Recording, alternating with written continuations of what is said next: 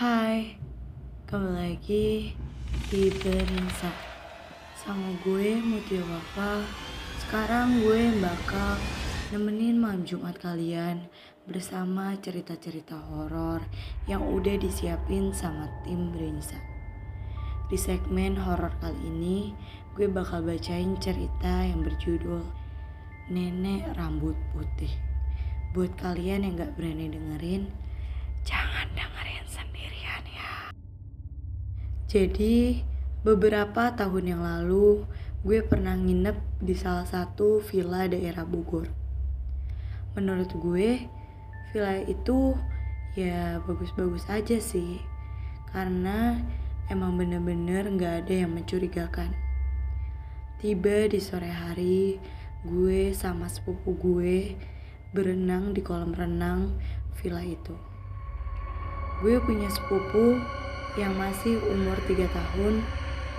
Kalau kata orang zaman dulu, bilang umur segitu masih bisa buat lihat hal-hal gaib.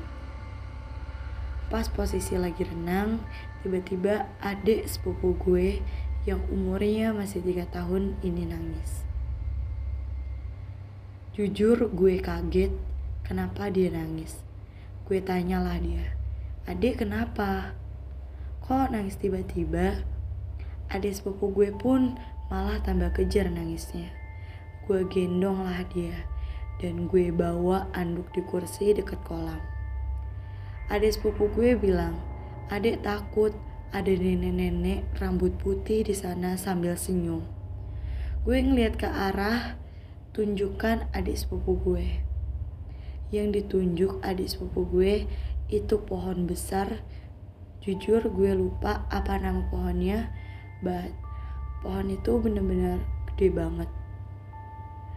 Uh, jujur gue takut juga pas adik sepupu gue bilang gitu. Tiba di malam hari pas lagi makan malam gue ceritalah sama om gue yang emang paham tentang hal-hal seperti ini oke Sebut aja nama adik sepupu gue ini Dina. Om, tadi pas lagi renang, katanya Dina lihat nenek-nenek di pohon besar itu. Di situ om gue cuma ketawa dan sambil bilang, iya biarin aja, gak bakal ganggu kok. Gue nanya lah sama om gue, berarti yang dilihat Dina bener dong? Iya emang benar, Pas pertama kita datang, Om juga udah interaksi sama dia. Jujur, gue merinding dan takut banget. Tiba saat jam tidur, gue pun tidur. Sekitar jam 2 pagi, gue kebangun karena mau ke toilet. Kalau mau ke toilet itu emang harus lewatin daerah pohon besar itu. Entah kenapa pas gue lewat sana bawaannya merinding dan pengen lihat aja ada apa sih di pohon itu. Gak ada angin, gak ada hujan, tiba-tiba kepala gue nengok aja gitu ke arah pohon itu. Dan benernya, ternyata gue lihat nenek-nenek itu jujur itu pertama kali gue lihat yang bener-bener jelas. Sosok nenek itu seram. Senyumnya tuh kayak senyum jahat gitu. Ngibrit lah gue balik ke kamar. Tiba di pagi hari, gue cerita ke om. Aku semalam lihat nenek-nenek itu, dan lagi-lagi om gue cuma ketawa. Kalau mau ke kamar mandi, jangan sendirian makanya. Gue cuma bisa melongo doang, dan ternyata bukan cuma gue yang lihat nenek-nenek itu ada saudara gue yang lihat bahkan dia sampai demam dua hari. Tiba di mana gue udah pulang dari villa itu. Perasaan gue bener-bener gak enak banget. Bawaannya emosi dan pengen nangis terus. Sekitar jam 6 sore gue ketiduran dan kalau kata orang zaman dulu jangan tidur maghrib-maghrib. Tapi entah kenapa di situ gue bener-bener ngantuk gue mimpi gue ketemu nenek-nenek itu lagi. Tapi yang paling seremnya, Di mimpi itu gue dicekek sama nenek-nenek itu. Gue pengen teriak gak bisa. Gue pengen buka mata, gue gak bisa. Tapi gue selalu baca-bacaan surat Quran di dalam hati. Setelah itu gue bangun. Posisi gue bangun itu bener-bener keringetan. Bahkan baju gue sampai basah. Dan mama gue manggil orang pinter yang bisa buat nyembuhin kesurupan gitu.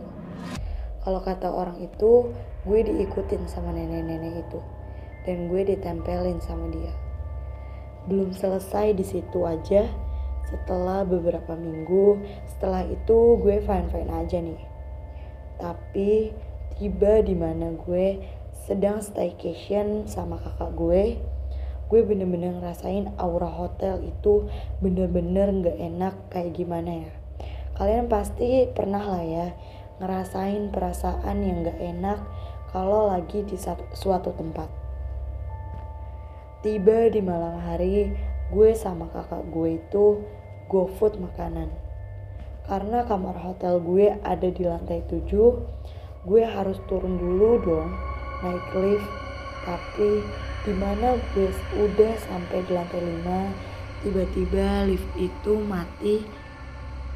Gue sama kakak gue pun panik. Gue di situ cuma nangis. Setelah beberapa menit akhirnya lift itu nyala. Gue turun dan gue ambil makanan itu. Dan gue naik lagi ke kamar gue sekitar jam setengah 12 malam gue itu mandi dan sampoan di dalam kamar mandi bener-bener ngerasa gak enak. Tepat jam 12 malam, gue udah selesai mandi dan gue sisiran di depan kaca. Kalau mitosnya sih jangan nyisir malam-malam sambil lihat kaca. Tapi karena gue orangnya bodoh amatan, ya gue lakuin lah itu. Dan pada akhirnya gue merasakan itu gue sisiran sambil lihat kaca dan anehnya gue bisa ngeliat nenek-nenek yang di villa waktu itu. Jujur gue langsung lari ke kasur dan selimutan. Padahal kakak gue juga udah ngomong jangan mandi malam-malam. Tapi gue tetap ngeyel pengen mandi. Entah kenapa gue bisa lihat nenek-nenek itu tapi alhamdulillah setelah gue dibaca-bacain surah Quran sama orang pinter sampai sekarang gak bisa lagi deh buat ngerasain hal-hal horor. Oke segitu aja cerita yang gue bacain. Nanti kita lanjut lagi ya. Jangan lupa buat dengerin Berinsa terus ya. Kalau kalian ada cerita horor, romance, atau random lainnya, kalian bisa DM di Instagram kita at OSIS SMK BW2. Sampai bertemu di segmen horor selanjutnya. See you.